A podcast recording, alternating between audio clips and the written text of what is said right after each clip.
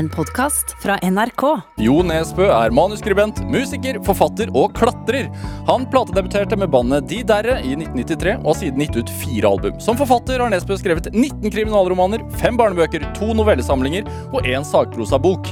Enkelte av bøkene er oversatt til over 50 språk, og han har solgt over 40 millioner eksemplarer til sammen. I tillegg er flere blitt filmatisert. Dette er Drivkraft med Vegard Larsen i NRK P2. Jo Nesbø, varmt velkommen til Drivkraft. Tusen takk. Hvordan har du det? Jeg har det øh, fint til å være altså, øh, Som musiker og forfatter så er jo selvfølgelig dette uforskamma tidlig på, på morgenen. og, øh, og jeg har bikka 60. øh, men Hva betyr og- det? Drar du deg? Pleier du å ligge og dra deg?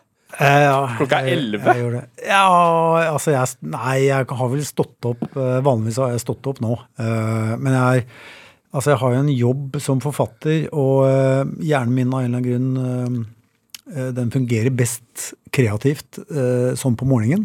Og med morgenen så mener jeg da sted mellom åtte og halv ti. Og da, så jeg ligger i senga og, og, og lar bare hjernen jobbe. Og, så jeg er en av de få nordmenn som kan ligge i senga og kaller det å jobbe. Eh, så det er egentlig det jeg gjør. Om ikke på den tida her, sånn, så i hvert fall sånn fem til klokka halv ti ofte. Men du våkner du da i åttedraget av deg selv, Ja. og så bare blir du liggende? ja. Ikke noe kaffe, ingenting? Nei. Da, jeg bare ligger og prøver å holde fast på den der litt eh, Ja, altså sånn skli litt inn og ut av eh, virkeligheten. Um, ikke, ikke hver morgen, men, men sånn ofte når jeg er i sånn eh, jobber med startfasen av en bok, så bruker jeg ofte morgenen til, eh, til eh, kreative ting. Hvorfor tror du hjernen funker som best da? Jeg tror fordi den funker litt dårlig. Fordi du, er, du har liksom ikke fått opp garden helt. Du er ikke helt sånn derre Du er ikke så selvkritisk som det du blir litt seinere utpå dagen. Eh, og du er Du aksepterer mer litt sånne der ville ideer som du ellers hadde, hadde avvist. Så du er eh, Altså, det er ofte morgener hvor jeg liksom er ute på bærtur sånn kreativt, og det er helt umulig å bruke noe av det. Men det tar meg i hvert fall til, ofte til noen sånne steder som Um, altså, Huxley skrev jo boka 'Doors of Perception'. Uh, han brukte LSD. Uh, jeg, jeg, bruker, jeg bruker å være ordentlig morgentrøtt. Men er det Du våkner, litt gretten. Hvordan skal jeg ta livet av den personen? Det Ja, ja det, kan, det kan være det. Altså, det kan være groteske ting, og, og, og det kan være litt mer sånn udramatiske ting. Altså, det kan være en, eh, en enkel samtale mellom eh, to personer. Det kan være hva som helst, egentlig. Ingmar Bergman våknet jo om natta, så skrev han på, på det sengebordet sitt. Eh, Ja. Ja, jeg gjør også det. Um, på en sånn blokk eller er på et møbel? Uh, jeg, ofte så har jeg en bok liggende, så det er mange av mine bøker så står det på de der første eller siste blanke sidene, så står det, så står det ofte notater til mine egne bøker. Er det, har du utsikt fra senga? Ser du ut? Eh, nei, egentlig ikke. Jeg har veldig mye utsikt der jeg bor, men ikke akkurat fra soverommet. Er det hva, hva skjer etter det, da? Etter at jeg har eh, stått opp, mener du? Ja. Altså, jeg har ikke noen sånne spesielle rutiner, egentlig. Jeg, jeg tar jo Nå har jeg Jeg har vært så dum at, øh, at jeg har gitt meg selv et sånn derre hårete treningsmål når det gjelder klatring, som gjør at jeg for halvannet års tid siden la om livsstilen min øh, en del. Hva vil det si? Det vil si at jeg tidligere så eh, sto jeg opp, og så dro jeg ut til en uh, kaffesjappe et sted og spiste en uh, stor, usunn frokost med masse espresso til. Uh, nå står jeg opp og eh, koker meg havregrøt med, med sunne ting i, eh, og kanskje til og med tar og så tøyer litt på, eh, på morgenen. Eh, og så drikker jeg filterkaffe, og så eh, jobber jeg et par timer, gjerne skriver litt, eller noe sånt. Eh, dagene akkurat nå under denne pandemien har vært litt sånn rutinemessig. Så når jeg sier at jeg ikke har rutiner, så er det egentlig, var det mest sånn før pandemien. Eh, så nå skriver jeg et par timer, og så eh, har jeg en treningsøkt. Eh, jeg har et sånn lite rom hvor jeg har en del treningsutstyr og laget en sånn liten klatrevegg. Romaskin? Unnskyld? Romaskin? Romaskinn Nei, jeg har ikke romaskinn. Romaskinn. Hva har du? Hva har du? Romaskinn, tenkte jeg var skinn fra Roma. Eh, men eh, Nei, jeg har ikke det. Nei. Jeg vet at Olav Tufte har hatt her. Han har, eh, han har vel det. Ja, Concept 2 sa han at det var best. Ja, riktig. Det var, jeg lurte på hva du hadde. Ja, det er godt å vite. Nei, jeg har bare noen strikker, og så har jeg en, har jeg en liten sånn klatrevegg med noen eh, klatretak på, som jeg driver og klatrer rundt på. Buldrevegg innendørs. Ja, rett og slett. Hva er det Det er sånn gradert, disse buldreveggene. Ja, det er det. Så jeg fikk Hva- opp eh, Gudmund, som er en eh, kompis av meg, og en veldig sterk klatrer. Han har eh, noe tilsvarende hjemme hos seg nede i Fredrikstad. Så han tok turen opp og sa at han skulle skru meg en ordentlig sånn eh, sadistisk eh, traversrute inne på, inne på det rommet. rommet da. Så det har han gjort. Så der eh, henger jeg og sliter på, eh, på tynne tak og skulle ønske jeg var lettere og sterkere og yngre. Har du, ja, har du klart den ruta han har skrudd opp, da? Ja, jeg har, eh, jeg har faktisk det. Jeg ringte han og fortalte det, sa han at ja ja, du skal ikke gå den én gang, du skal gå den to ganger på kjappen. Men hvorfor er det en god måte å, starte dagen på? Er det en meditasjon i veggen der, eller er det Eh, Jeg kan heller få svare sånn når det gjelder klatring generelt. Er, om det ikke er meditasjon, så er det i hvert fall en aktivitet som tar deg et helt annet sted. Uh, Og jeg tror det henger sammen med at, uh, i hvert fall for min del, så uh, er det litt høydeskrekk forbundet med klatring. Ikke, ikke en sånn ikke en overdreven høydeskrekk, men en litt over gjennomsnittlig respekt for høyder, tror jeg man kan si. Som gjør at jeg klarer ikke å tenke på noen andre ting enn klatring når jeg klatrer. Så det er en eh, det er mer en sånn derre frikobling fra alt annet i livet. Altså alt du måtte ha av arbeidsstress eller eh, kjærlighetssorg eller økonomiske problemer forsvinner når du klatrer. Er du redd, da? Jeg er redd. Jeg er det. Hvorfor utsette seg for det, da? Jeg tror fordi klatring er Altså, jeg er en eh, Jeg har alltid hatt lett for å bli redd. Eh, Helt fra jeg var liten, så, så var jeg, jeg var redd for veldig mange ting. Jeg var redd for å gå meg vill. Eh, Jeg hadde en sånn nærmest sånn panisk angst med tanken på at, at jeg skulle miste mine nærmeste. Og så var jeg redd for mørket. Altså For meg så var jo det også gå ned i potetkjelleren for å hente en kasserolle til moren min som skulle lage middag, det var jo nærmest en sånn odyssé i, i skrekk og horror. Eh, Men som jeg på en eller annen måte likte likevel. Så jeg er Jeg blir veldig lett redd, men jeg takler brukbart det å være redd. Jeg kan til og med til en viss grad oppsøke det. Og jeg liker jo veldig godt eh, den der mestringsfølelsen det er å, å klatre. Det å også overvinne sin egen skrekk. Altså Hodet sier at du skal klatre oppover, men kroppen skriker at dette er en veldig dårlig idé, Nesbø. Hold deg på bakken. Ja. Eh, og det der å la hodet, det kloke hodet, vinne over det dumme hjertet, det, det, det liker jeg. Nå er det selvfølgelig ikke, det hender jo at hjertet er klokere enn hodet, men akkurat når det gjelder klatring, så er hodet klokere. Ja, er ikke, har du sett den uh, Free Solo, denne klatredokumentaren? Definitivt. Ja. Og han Alexander Hva heter han til etternavn? Hanhold. Ja. Han mangler jo det der. Ja, altså han, Han har, føler jo ikke frykt i veggen. Nei, altså det, det tror jeg er et veldig godt poeng. Altså at det er uh... Ser du da noe poeng i det han driver med? altså sånn, hadde du, Hvis du ikke hadde følt den frykten, hadde du Ja, altså eh, det kan være flere poeng med det. Altså, eh, for han så er det jo en, eh, en personlig opplevelse av det. Et annet poeng kan være selvfølgelig at vi sitter her nå i et radiostudio i Oslo og snakker om ham. Ja. Så det er nok en blanding av alle de tingene. Så jeg tror at det som driver Alex Honnold, er nok noe av det som driver oss alle. At det er en, en drivkraft om å få lov til å holde på med noe som du syns er interessant. Noe du sannsynligvis hadde holdt på med om du bodde på en øde øy. Og så er det, når det er satt i en sosial kontekst, så er det selvfølgelig en drivkraft også det å bli heia på. Eh, og det er, tror jeg, eh, en egentlig nokså sunn drivkraft. Eh, Kan man si at det, ja, er, det, er ikke det liksom falskt og overfladig å, å gjøre noe som du tror du skal få applaus for? Eh, jo, eh, ytre sett så er det det. Men altså, flokkens applaus er som regel begrunna med det at du har gjort noe som er et bidrag til flokken. Ja. Eh, du premieres eh, sosialt for noe som er positivt for oss alle. Eh, og den, altså ha det som drivkraft, det å bidra til flokken, tror jeg jo er en bra ting. Og så kan det selvfølgelig da på et personlig plan føles som du bare er ute etter en overfladisk applaus. da. Men er det altså for jeg, det, må, det er vel dypt menneskelig også, den, å, å, å, jage den applausen litt. altså sånn Jeg ser på jeg har to, to unggutter, to smågutter. Jeg skal ut i pappaperm nå til han yngste. Han er jo åtte måneder. Mm. Han skjønner jo ingenting.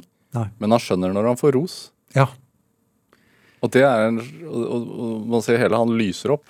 Ja, og så er det den, altså den, den eh, Jeg har også en datter, og altså det er et eller annet med den alderen når du begynner å si 'se på meg', 'se på meg, pappa'. Ja. Og du skjønner at det er eh, altså hvor, eh, hvor viktig det er det der å bli, bli sett. Ja. Altså det er ikke, Og det er ikke alltid det trenger skryt heller. Eh, jeg har jo vært eh, Jeg hadde en far som selv som selv var eh, han, eh, han, ville ikke at det skulle gå inflasjon i, i skrytet. Slik at når han endelig da det kom noe skryt, forsiktig og nøkternt, så ble det satt desto større pris på. Da visste vi at det, da, da, var det faktisk noe vi hadde gjort som var bra, og det var ikke bare en sånn der automatisk skryt som ble lessa på oss. Husker du første gang? Ja, jeg kan eh, Nei, jeg, jeg husker egentlig litt det motsatte. Men som jeg som jeg tenkte over en del som en veldig bra ting. Og det var Vi hadde vært og spilt altså Faren min møtte opp og kjørte oss på en eller annen Lilleputt-kamp. Og jeg spilte spiss. Eh, jeg var vel den typen som eh, var mest opptatt av å telle hvor mange mål jeg sjøl scora. Eh, og, og, i det ligger det at du var ganske god? Ja, jeg var ålreit. Og ego. Og ego. Det er helt riktig. Eh, jeg var, jeg var også en av de første, det er blitt minna på en del ganger, jeg var en av de første fotballspillerne som spilte med pannebånd. Den gangen det var bare Bjørn Borg som brukte pannebånd. Var det pga. han, eller var det pga. noen italienere? Eh, nei, det var før italienerne begynte med sånn hårstrikk og sånne ting. Altså. Det, var, det, var, bare Bjørn Borg. Ja. Og meg, da, i Molde. og, som, eh, og, og jeg, hvis jeg scora til til 7-0 mot eh, et eller annet eh, lokalt lite lag som var ett år yngre enn oss, så løp jeg gjerne inn i mål og plukka ballen og kyssa ballen. Eh, som jeg hadde sett Pelé gjorde da han skårte sitt tusende mål. da. Eh, som gjorde selvfølgelig at jeg var en sterkt mislikt spiss. Den type spiss som aldri kommer hjem og hjelper, og bare henger oppe og skal, skal skåre mål. Og Da vi kjørte hjem fra denne kampen, jeg tror jeg hadde skåra fem mål eller noe sånt, og vi hadde vunnet 8-0. Og jeg da forventa meg noe skryt fra faren min. Eh, så jeg spør han da eh, hva syns du? Og så sier han da at eh, jo, jeg, jeg syns han Lars Tore, som var nokså ny, og som hadde spilt seg inn på laget vårt etter å ha slitt en stund, han syns jeg gjorde en overraskende god kamp der ute på, på høyrebekken. Og jeg, jeg, må si at han imponerte meg. Og jeg husker det der at faren min som en liten sånn lærepenge til meg tok og løfta opp en som ikke hadde det største talentet, men som hadde jobba seg frem og oppnådd en fast plass der ute på høyrebekken.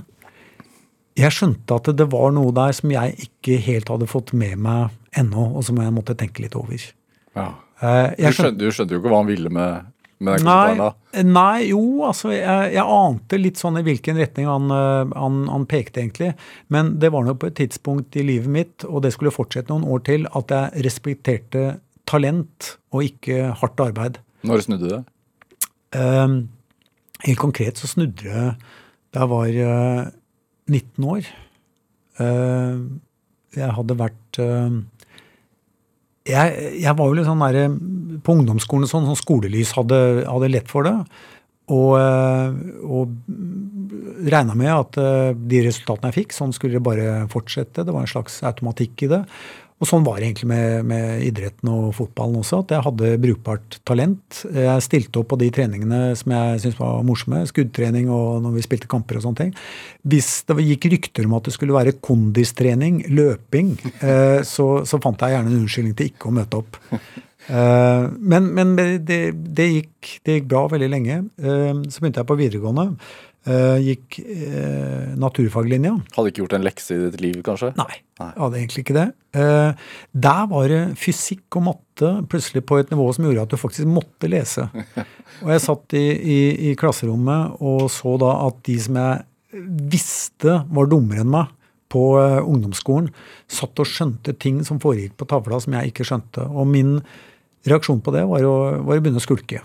Eh, altså det var minste Det var liksom minste, minste, minste hele veien. Eh, så jeg satt nede på eh, kaffestova i, i, Molde, hvor det hang et par andre fyrer som kanskje hadde det likedan. Vi var i hvert fall eh, Vi gikk rundt med sånne frakker som vi hadde kjøpt oss på, eh, på Frelsesarmeen, og, og, og, var liksom så oss selv som sånne bohemkarakterer som diskuterte Hamsun og, og Dostojevskij og andre forfattere vi ikke hadde lest. Eh, og, så, og, så, var det da da jeg var ferdig med videregående da var, Jeg husker mattelæreren sa til meg at eh, han pekte på kurven min jeg, i, i, i, matte, altså hvordan det hadde gått fra veldig gode karakterer på første året når du ikke behøvde å lese, og hvordan jeg holdt på å stryke på siste. og sa at hvis, Han, han påstod at hvis, hvis, skolen hadde vart i tre uker til, så hadde han måttet stryke meg.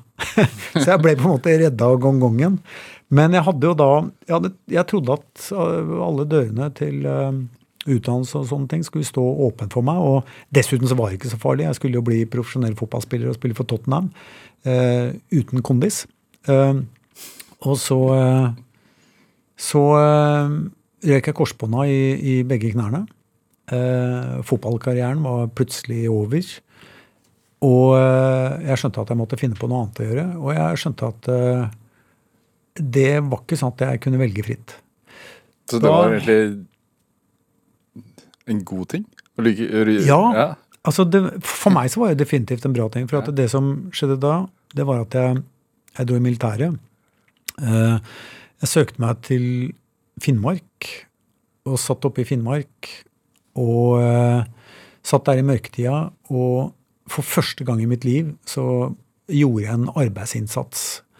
Uh, jobba målretta med å få meg en ordentlig eksamen. Leste, tok egentlig hele videregående om igjen mens jeg satt der oppe i, uh, i vintermørket. Uh, og, fikk, og, fikk, bra karakterer.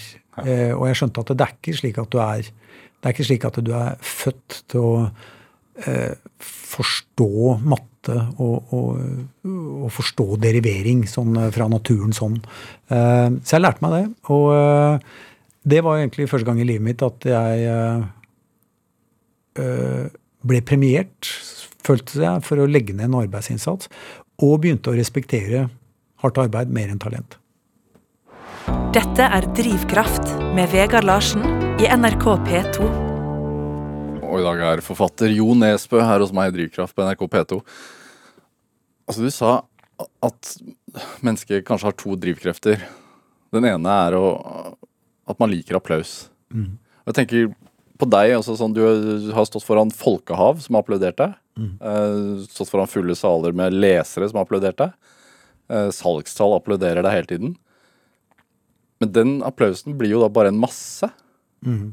Er det en Drives du av applaus fra enkeltpersoner?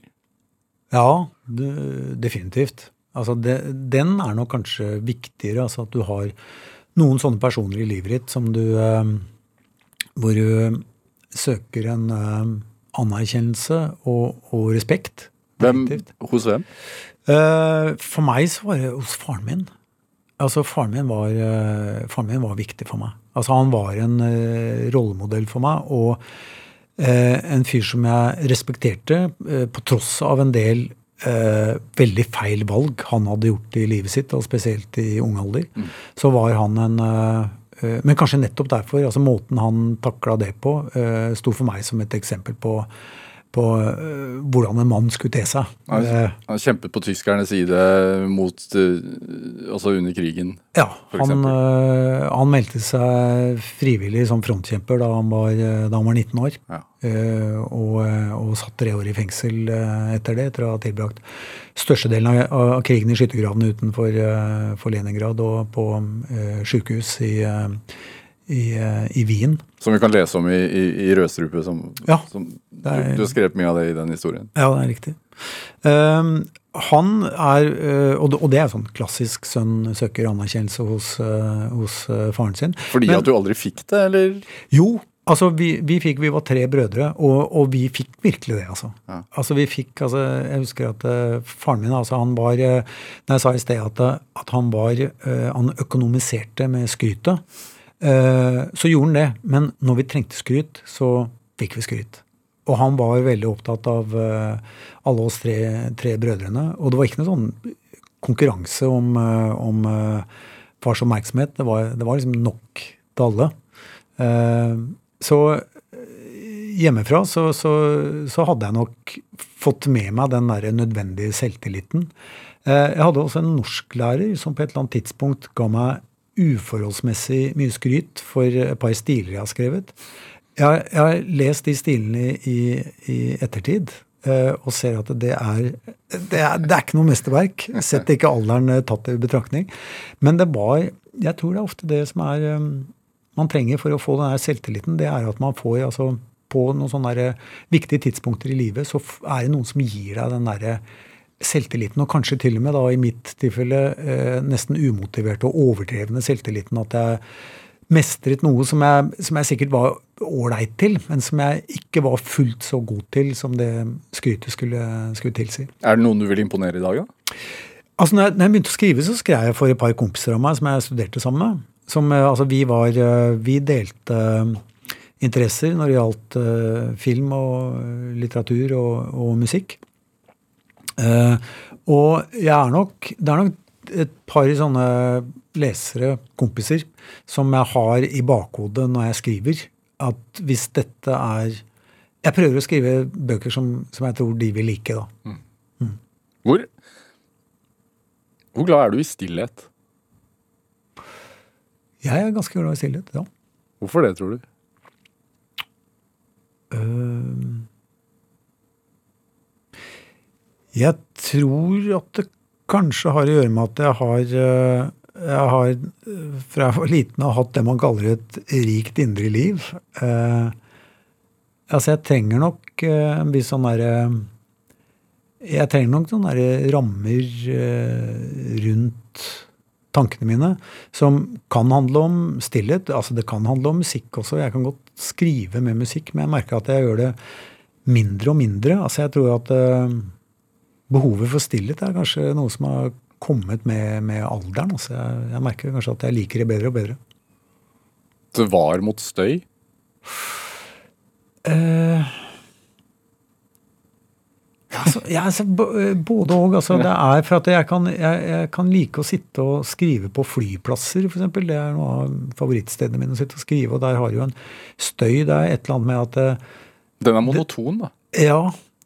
ja det er kanskje det, det at det foregår et eller annet liv utafor det universet du selv er inne i, det, det finner jeg på en eller annen måte beroligende. Og, og eh, det gjør kanskje at du skjerper konsentrasjonen mer enn at det, det forstyrrer. Den, den er fantasien din, eller ditt, rike indre.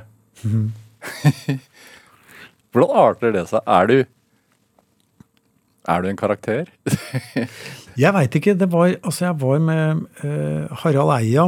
Uh, man kjører jo sånne personlighetstester og ja, sånn Big Five, ja. Big Five, ja. Ja. Uh, og han og jeg og Karl Ove Knausgård var på en sånn liten turné hvor han personlighetstesta oss, da. Eh, og da viste det seg, kanskje ikke overraskende, at eh, Karl Ove scora høyt på, eh, eh, på nevrotisk. men, Du merkelig, ler, ja. men merkelig nok ikke så høyt på, eh, på fantasi. Han skriver jo seks bind om sitt eget liv, så Ja, detaljert. det så det Det var det som var poenget til Harald. Da, at Han mente at du har for lite fantasi til å skrive noe annet enn det du selv har opplevd. Uh, mens, uh, mens jeg scora sånn her kjedelig grått på alt sammen, egentlig. Bortsett fra én ting, og det var, det var fantasi, da. Eh, som var eh, Haralds konklusjon, hvor han sa at hadde du skåra ett knepp høyere på det der, så hadde du vært rett på sjukehuset. Eh, og, det, og, det, og det er Det, stem, det stemmer nok for så vidt godt med, med, den fyren jeg var som guttunge. Altså Jeg var han som satt og, og, og lagde historier. Altså, og, og, gjerne aleine på et rom, eller satt og fortalte andre spøkelseshistorier. Har du noe, altså Du er en mann som liker å tenke, holdt jeg på å si. Har du noe, gjort deg noen tanker om hvor, hvor det oppstår? Det, den fantasien? Ja. Nei, det har jeg egentlig ikke. Um, jeg har um, Altså, det kan gå hende at det er selvforsterkende. At du, du er altså jeg kan huske, altså Vi pleide å kjøre fra Oslo til uh, Eidsvågen i Romsdalen når det var sommerferie og, og, og uh, juleferie, som er en tur på åtte timer. Uh, og da satt jeg jo i baksetet der, og da satt vi der tre brødre. Og på et eller annet tidspunkt så ble vi jo da lei av at vi skulle, vi skulle bestille Beatles-låter av storebroren min, som han da satt og sang. Jeg og lillebroren min Knut fikk ikke lov til å synge. Det var Per som skulle synge, så måtte vi bestille låter av han da. Så han var på en måte bilradioen vår, men på et eller annet eh, tidspunkt så holdt han heldigvis opp med det. Og da satt jeg og kikka ut av vinduet og eh, så på husene som vi passerte. Og lagde helt sånn automatisk fortellinger om de som bodde i de uh, husene. Men Hadde du blitt lest for, eller var var det noe som var Ja. ja. Eh, moren min uh, var bibliotekar, og faren min var veldig bokinteressert, så det var alltid bøker og, og, fortellinger hjemme hos oss. Faren min var en fantastisk historieforteller, og det var de andre slektningene mine også. Tanter og onkler som når vi møttes da til disse feriene, så, så, fortalte de historier. Som regel ingen nye historier. Det var de samme gamle fortellingene. Men det var Det ble det var så mange gode fortellere der at det ble vel på en måte min forfatterskole. da, Å sitte og høre på de fortellingene som jeg visste hvordan gikk, men da kunne legge merke til hvordan de la inn noen nye detaljer.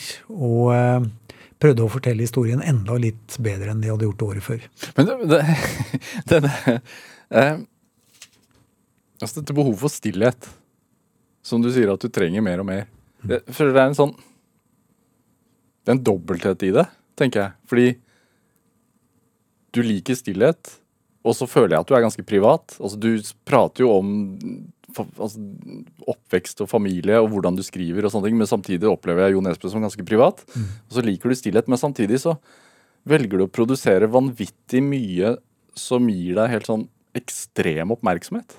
Ja.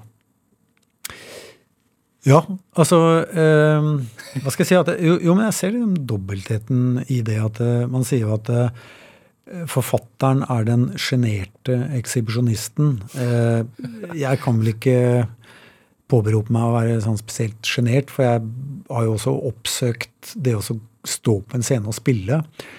Og eh, jeg har vel den derre eh, Hvordan er det når det er allsang? Unnskyld at jeg avbryter deg. Og de synger jenter. Ja, det, det er det er veldig flott. Altså, det er eh, Jeg kan fortsatt oppleve det som sånn lett absurd. altså, når jeg begynner å tenke tilbake til at vi var fire kompiser fra, fra Molde som, eh, som, maste oss til å få lov til å spille nede på Felix nede på, her, i, her i Oslo, en liten klubb. hvor vi... Hvor fikk, vi fikk øl mot spilling? ja. Nei, vi fikk ikke øl. Vi måtte betale for, for øla. Vi, altså, vi var egentlig bare vanlige betalende gjester som tilfeldigvis sto på scenen og spilte. Uh, men uh, så når jeg tenker tilbake til det, og så at vi plutselig står på en scene sånn, og du har et, uh, har et så stort publikum som uh, kan så mange av låtene, så er det det er fantastisk, og det er absurd. Og jeg, jeg er mer ja, altså jeg er mer takknemlig og mer, syns det er mer fantastisk nå enn jeg egentlig syns det var den gangen i, eh, på, på 90-tallet, da det sto på som verst. Ja. Hvorfor det? Fordi eh, da oppfatta jeg det nok som et litt sånn derre hysteri. Altså du, du, du, står på en måte Du har skrevet et par låter. Det var da 'Jenter og rumba med Gunn' som kom på det andre albumet vårt. Vi hadde kommet med et album året før eh, med låter som 90-metersbakken, som jeg kanskje følte sterkere for enn jeg gjorde for en låt som, som 'Jenter', som var en låt som jeg hadde. Jeg hadde kjøpt meg et, et, keyboard og hadde lært meg å spille det, og så hadde jeg lagd låta på keyboard egentlig som en sånn øvelse for å lære meg å spille. Og så blir det en sånn låt som du da har lagd på, på, på 20 minutter. Det blir da den hiten, og den alle vil høre. Mens de låtene som jeg kanskje følte litt sterkere for, de var, det, var liksom, det ble sånn fyllmasse. Når vi da på 90-tallet dro ut og gikk fra å spille på studentesteder og små klubber til plutselig å, å, å, spille på sånne steder hvor, hvor kreti og pleti kommer. Altså danselokaler og alle mulige steder hvor ikke vi hadde vært før. Og hvor jeg hadde da et publikum som skulle høre den ene låta. Eh, jeg, jeg synes, altså det, var, det var spennende og morsomt, men samtidig så var det litt sånn eh, det, var ikke, det føltes ikke helt ut som vår greie. Nå føler jeg vel at det publikum vi har nå, det er et publikum som mer sånn kan katalogen vår, som det heter, og som her eh, altså mer kanskje skjønner greia da, med, med de der som er et, eh, et uh, band som som er, ikke tar seg sjøl så veldig høytidelig. Som aller nådigst får lov til å være popstjerner de to timene de står på scenen men som ikke får lov til å være det når det går av scenen. Hvor, hvor, hvor stor påvirkning tror du storebrors Beatles-sanger i bilen hadde på musikken dere lagde? Å ja, ganske, ganske mye. Ja. Eh, broren min var eh, Altså, jeg vokste opp med at vi hørte alle singlene til Beatles komme én etter én. Eh, jeg var veldig liten, men eh, Beatles er, var definitivt en viktig påvirkningskilde. Uh, og så var det faren min som hørte på countrymusikk. Så jeg, jeg, satt og hørte på altså Jim Reeves og disse gamle countryheltene da, som, uh, som, uh, som, sang. Ja, det er ikke, altså, vi, vi, vi har bedt deg ta med litt musikk. og du, Først så valgte du Good Old Charlie med Got the Blues med Daniel O'Keefe. Ja. Og så gikk det litt tid, og så ombestemte du deg. Så ville du heller spille You and Your Sister med Chris Bell. Ja. Hva, hvorfor denne snuoperasjonen? Um, ja, altså, altså, det er jo fantastiske låter, begge to. Men at um, Og ukjente, ganske ukjente navn, kanskje, for, for mange? Ja, og Keef var mer sånn her one hit wonder med, med, den låta, men som er en, altså, en fantastisk og en, og, og en, så trist låt at jeg får klump i halsen når jeg, når jeg hører på den. Og det er liksom en uh, det er liksom en sånn ja, en, en, en sang om ensomhet. Eh, Chris Bell eh, var jo også totalt ukjent. Nå kom det en Netflix-serie om bandet han spilte i Big Star for noen år siden, som kanskje en del så. Eh, og eh, Big Star var jo sånn power pop-band på 70-tallet i, i, USA, som inspirerte veldig mange av de som kom etter, som REM og Teenage Fan Club. Men var jo da totalt altså et band som ikke hadde lyktes, egentlig. Og så er det da denne Chris Bell, som var da dette, denne plagede sjelen eh, og en fantastisk låtskriver, som gikk ut solo eh, etter at bandet var gått eh, ad undas. Eh, og han skrev da et par fantastiske låter. Eh, I'm The Cosmos og, eh, og You and Your Sister. Hvorfor ble det den? Nei, Det ble den fordi det er, det er rett og slett bare en veldig, veldig fin, fin og enkel låt. Så slipper jeg å spørre deg om ensomhet, som hadde vært knagen på den andre. Ja, jeg tror ikke at eh, Chris Bell var noe. Han var jo definitivt en ensom eh, artist. Altså. Det, er, det, er, ensomhet, det er mye ensomhet i det han eh, skriver også. La oss høre.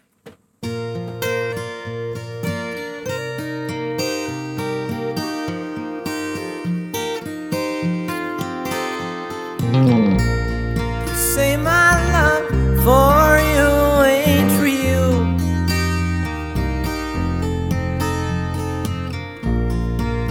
don't know how real it feels.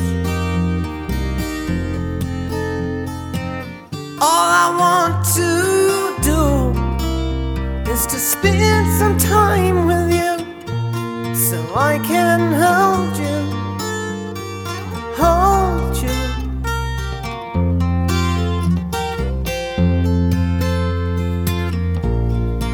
sister says that I'm no good.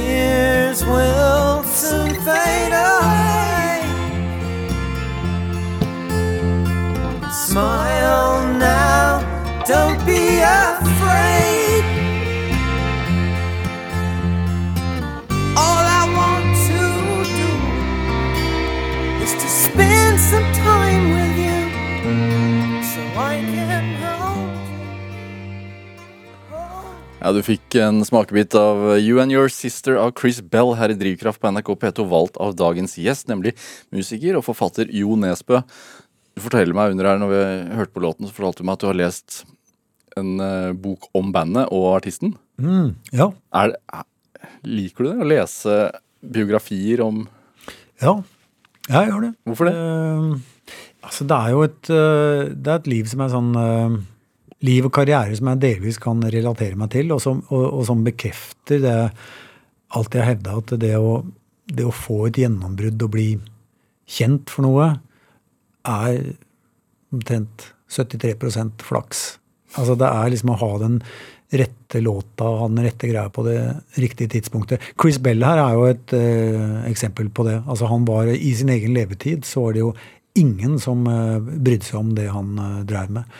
Eh, og så går en del år, og så er det REM blant annet som, eh, som løfter frem Big Star og, og begynner å snakke om dem. Og så 20 år seinere så, så begynner folk å høre på, eh, på Big Star. Men er det interessant for deg å lese, sånn som du sier, at det, ting, det er ting med, med han som du kan relatere til, og så liker du å lese biografier om, om folk som minner deg om deg selv?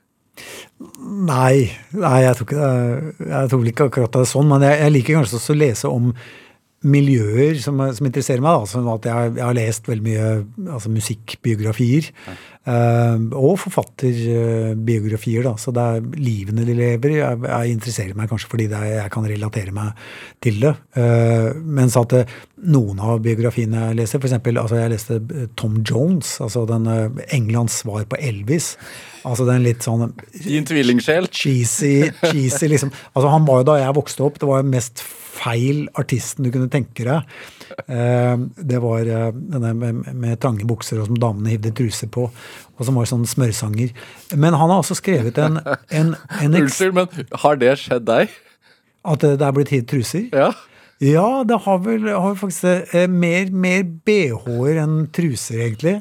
Helt, helt usedvanlig store BH-er. Eh, eh, ja, litt sånn ironisk. eh, altså- Ironisk? jeg, jeg tror det er ironiske BH-er som er blitt kasta på scenen. Jeg håper det, i hvert fall. Okay, nok om det. Eh, men, men Tom Jones er da han har skrevet denne biografien som er, altså, som er så ærlig og fantastisk. Altså, den starter med at han da er over høyden som artist, og han eh, sitter i USA, eh, begynner å bli litt gammel, og han skal synge for noen pensjonister på en sånn matiné oppe i USA, og sitter på bakrommet og, og, og drikker rødvin.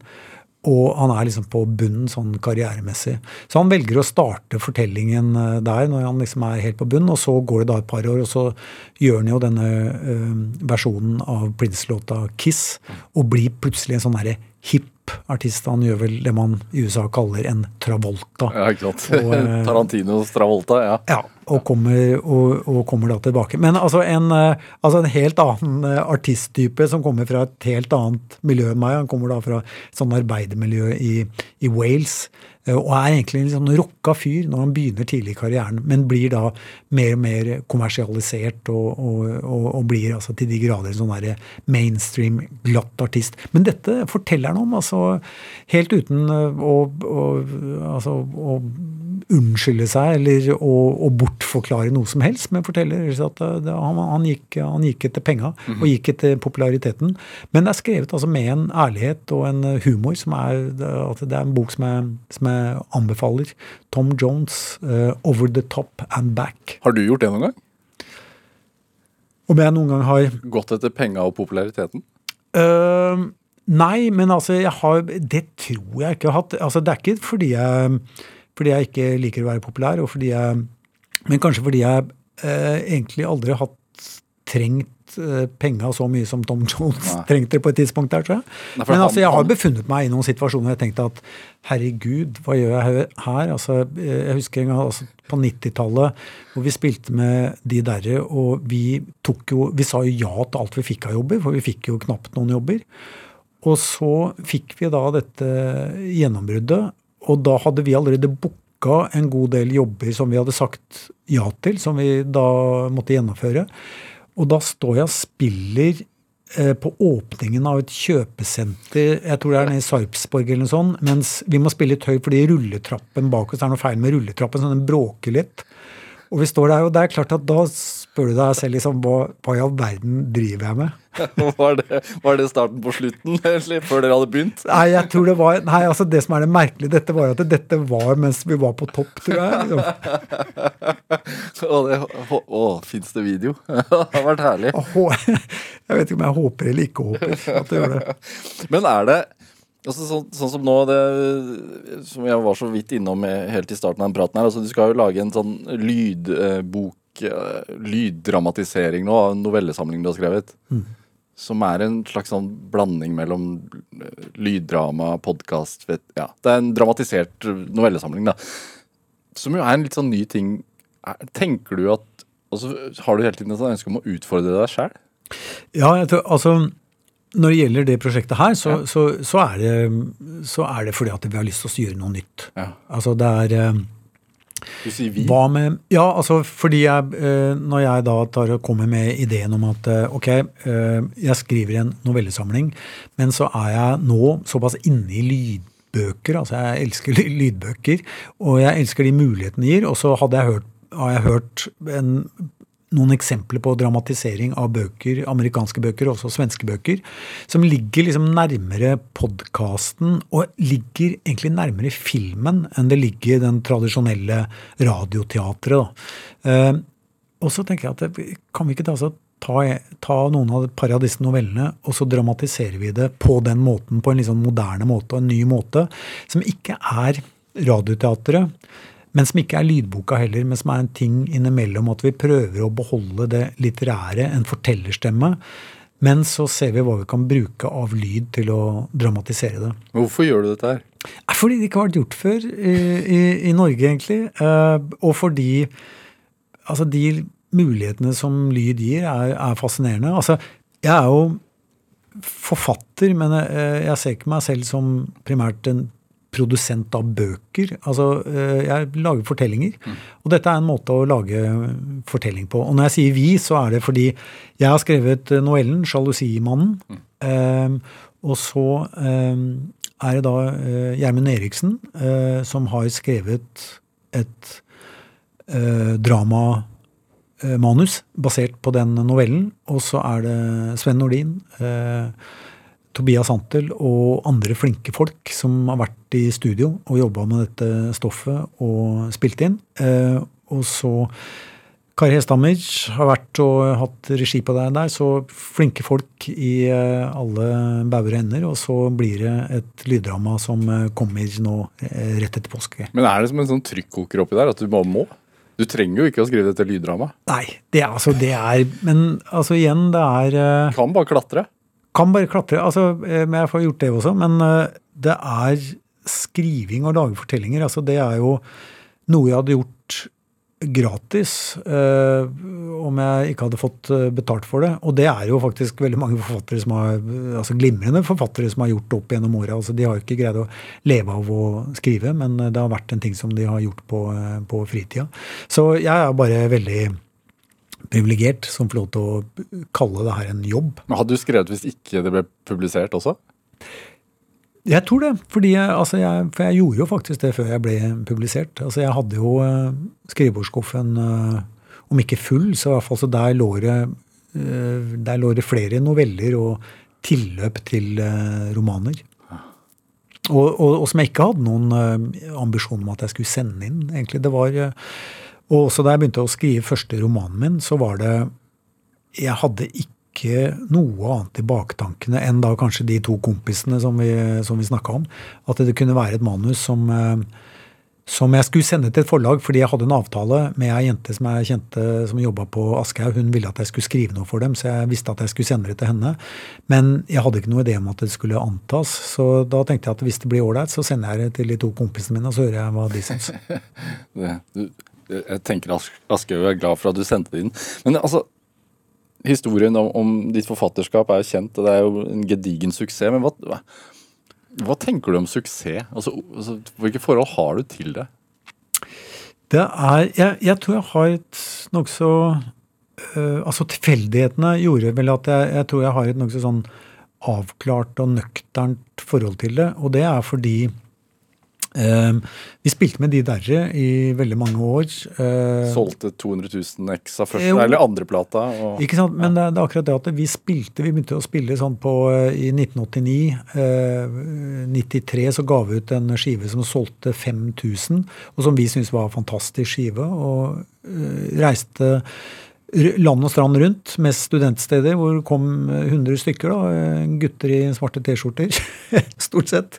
Med data-valgfag, tror jeg. Eh, og, eh, og det var liksom publikummet vårt. Eh, og så slik at når vi slår igjennom da, med, med jenter, så er ikke det som, som skive så er ikke det noen sånn spesielt bedre skive enn den første skiva vår. Så da er jo en, Og da har jeg bikka 30 år og ser jo da at det er hvor viktig de der tilfeldighetene er. Det at du har den riktige låta på det riktige tidspunktet. Og egentlig samme som eh, forfatter. altså det var, Nå var det nå fikk første boka mi, altså vant uh, Riverton-prisen og Glassnøkkelen, og fikk eh, bra mottagelse. Men det var ikke noe, altså, det var ikke noe salgssuksess. Altså, det var ikke så mange som leste den første boka mi da, da den kom. Og samme med andre boka. Eh, slik at det var først da jeg skrev den tredje boka, at det ble, at det, det liksom ble sånn derre gjennombrudd, sånn kommersielt gjennombrudd. Og samme i utlandet også. Eh, Det var først da jeg skrev 'Snømannen' at eh, at den ble nummer én i, i England. Da kom det og spurte meg hva er det du har gjort til denne overnight success, som de kalte det. Så måtte jeg forklare meg at jeg, jeg har vært utgitt i ti år jeg, i, eh, i UK uten at noen sånne ting som helst har skjedd. Så jeg tror jeg Men er det prosessen, da? Ja, altså Det er Det utgis fantastiske bøker hver eneste dag i verden som aldri får noe oppmerksomhet. Uh, altså Det er uh, litteraturens Chris Bells er det, er det, er det veldig mange av. Og, uh, og det veit jeg. Eh, Så det er derfor jeg tror at det er ikke noen sånn falsk beskjedenhet når jeg sier at jeg har hatt flaks som har hatt suksess, for jeg veit at det er, det er det, er, det å skrive en god bok er det man kaller bare en, en nødvendig, men ikke tilstrekkelig betingelse. Hva, hva betyr det? Det betyr at du, boka er nødt til å være god, men det er ikke nok. Nei, er det Men er det litt sånn altså, Samme som at du Når du klatrer, Mm. er det da nå toppen som er målet, eller er det ruten? Det er, eh, det er jo nå toppen. Det er nå toppen. Det er nå toppen. Men hvis du ikke er glad i prosessen, Ja. eh, så, så, så skal du ikke begynne å eh, klatre. Det er litt det samme tror jeg, som å skrive bøker. altså Det hender at det, Du er ikke redd når du skriver bøker? Nei, men altså det, eh, det skulle si at det hender at det kommer unge mennesker til meg og, og, og, eh, spør hva som altså har lyst til å bli forfattere. Eh, og da pleier vi å si at det, for det første så er ofte er ønsket om å bli forfatter større enn ønsket om å skrive bøker. Eh, og det er kanskje det samme når det gjelder klatring. altså du er nødt til å eh, Klatring handler 90% om å mislykkes, eh, og du er på en måte nødt til å eh, se gleden i å mislykkes litt bedre neste gang. Hva er lykke for deg, da? Eh, lykken tror jeg er For meg så er det veldig enkle ting. Eh, siden du intervjuer meg nå, så får jeg altså referere til en gang jeg intervjua eh, Olav Thon, som eh, siterte eh, Arne Næss eh, om hva er lykken, hva gjør deg lykkelig. Og Arne Næss, eh, da filosofen, eh, ga da rådet 'hold dine gleder enkle'. Og det tror jeg at det er sånn, sånn er det for meg. Jeg tror jeg skjønte nokså tidlig i livet at jeg blir ikke noe gladere av å seile en svær yacht eller eie et fotballag. Eh, hvis jeg får lov til å tilbringe en dag ute på Kolsås her i Oslo og klatre med gode kompiser, eh, som, og vi greier å gå en rute som hundrevis av klatrere har gått før oss, men som er nokså stort for oss, så er det, så er det lykke. Nå skjønte du det, da? Jeg tror jeg det nokså nok så tidlig i livet, egentlig. Eh, For unge menn som liker å score det åttende målet etter de har skåret Ja. det syvende. godt poeng. De skjønner ikke det. Nei, så altså nå, nå Ok. Jeg, eh, nå, eh, nå høres det ut som jeg ga en beskrivelse av meg selv som en så, sånn yogamaster som bare trenger liksom kan bo på en øde øy og eh, ikke trenger noe applaus. Og det er ikke sant. Jeg er jo, jeg er jo Jeg har jo fortsatt den biten der i meg. Han fyren som er nødt til å, nødt til å eh, få litt applaus. Jeg var uh, snakka med Øystein Påske, altså trommisen i, i De Lillos eh, en gang. Og de hadde akkurat kommet hjem fra turné. Eh, de hadde vært på lang turné, og jeg spurte hvordan det føltes, om det var deilig å være ferdig med turneen. Han sa at ja, det er, det er veldig fint, men han sa men det er veldig rart å legge seg på kvelden uten å ha fått applaus. eh, og det er, vel, det er vel litt Vi kan vel ikke helt se bort fra det at eh, vi, vi, vi trenger litt applaus, noen og enhver av oss. Er det Du har sagt en gang, har jeg lest i hvert fall, at du føler deg på overtid sånn aldersmessig. Ja, jeg tror jeg øh, Preger det deg på noe vis? Jeg vet ikke. Øh, sannsynligvis. Jeg, jeg tenker vel at jeg har det litt travelt. Altså, jeg kommer fra en familie hvor, øh, hvor mannfolka øh, dør nokså tidlig. Uh, og, det, og det har nok ligget i, i bakhuet der. Eh, så det er nok preger meg vel på den måten at det er en del ting jeg må få, få gjort. Altså ting som jeg har veldig lyst til å gjøre. Ja, for det, du har fremdeles det. Ja. Jeg, det er sånn at jeg tenker at det er ikke noe Altså nå er jeg frisk og rask. eh, Jeg har bikka 60. eh, Jeg skal prøve å klatre en rute som er hardere enn noen, jeg noen ting jeg har klatra før. Eh, Så jeg har fortsatt den der, sånn der barnslige ambisjonen om at jeg skal bli sterkere for hvert år som går. Hvorfor er det viktig sånn å utfordre seg selv? Jeg tror jeg, eh, jeg tror det er altså, altså det er gleden ved å mestre noe, å få til noe. Det har, ligget der. altså Enten det er med eller uten publikum. Eh, den ligger der. Altså Jeg er nok en sånn derre achiever. Altså Jeg har lyst til å fikse ting og få til ting. Ja. Eh, og så er det vel noe jeg, det der som jeg oppdaga litt sånn seint i livet. At, for, for at jeg er ingen, altså jeg har ikke noe spesielt klatretalent, egentlig. Det er ikke noe jeg eh, altså, Var det i utgangspunktet en ting du sleit med, eller? ja. Ja. Altså, det var, altså, jeg så folk som starta å klatre samtidig med meg, som uh, naturlig fiksa det mye bedre og hadde et mye mer sånn naturlig klatretalent enn det jeg hadde. Så jeg var nødt til å analysere meg frem til de tingene jeg skulle gjøre. Men da var det kanskje det da som skjedde, som vi snakka om tidligere, som skjedde på et eller annet tidspunkt i livet mitt, at jeg, jeg, jeg fikk mer glede av de tingene jeg greide å oppnå med hardt arbeid, enn uh, som jeg bare oppnådde ved at det lå naturlig for meg. Er det en slags tips? Altså, du, jeg antar at veldig mange, som du sa, unge forfattere sier at de har lyst til å bli forfatter. Er det, er det rådet ditt? Jeg, altså, jeg, Jobb hardt! Ja, nei, altså, jeg gir ikke råd, fordi at jeg, jeg, altså, jeg oppdager det at det er folk er nødt til å finne sin, eh, sin egen vei. Altså, og du, du gir som regel råd ut ifra det du, som har vært riktig for deg i din egen lille verden, og det er ikke alltid at det har noen som helst relevans for andre. Hva er drivkraften din, da? Det er å prøve å få til ting. Altså lage noe som er bra. Eh, Jeg tror Jeg ser av og til for meg den derre snekkeren som, eh, som kjører til jobb om eh, morgenen og, og stopper ved et trafikklys og ser opp på et hus og, som han har bygd. Og han veit at de som bor i det huset der, sånn, de veit ikke at han har bygd det huset. Men det er ikke viktig for han. Det at han, det at han sitter i bilen og ser på det huset og tenker at det der, det er et ganske godt hus. Eh, Jeg tror, eh, jeg tror det er en drivkraft. Hva ser du, Hvis du i tillegg får litt applaus før du legger deg om kvelden, så er det fint. Men hva ser du, da? Når du, når du ser på Når jeg ser på huset ditt hus? eh, Jeg ser et hus som eh, ikke er uten lyter, eh, men som er eh, bygd med entusiasme og glede. Jo Nesbø, tusen takk for at du kom hit til Drivkraft. Takk.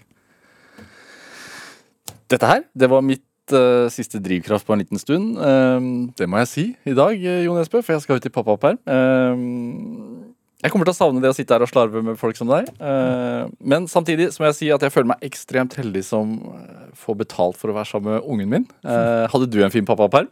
Eh, jeg, jeg var forfatter da, så jeg hadde, behøvde ikke ta ut perm. Men jeg, jeg syntes det var veldig fint å, å bli pappa. Ja. Eh, Men Drivkraft det fortsetter uten meg. Eh, Fra mandag så ledes Drivkraft av Ruben Gran. Sist hørt fra programmet Ruben på, på P3. Dere må ta godt imot han. Og så høres vi igjen etter sommeren.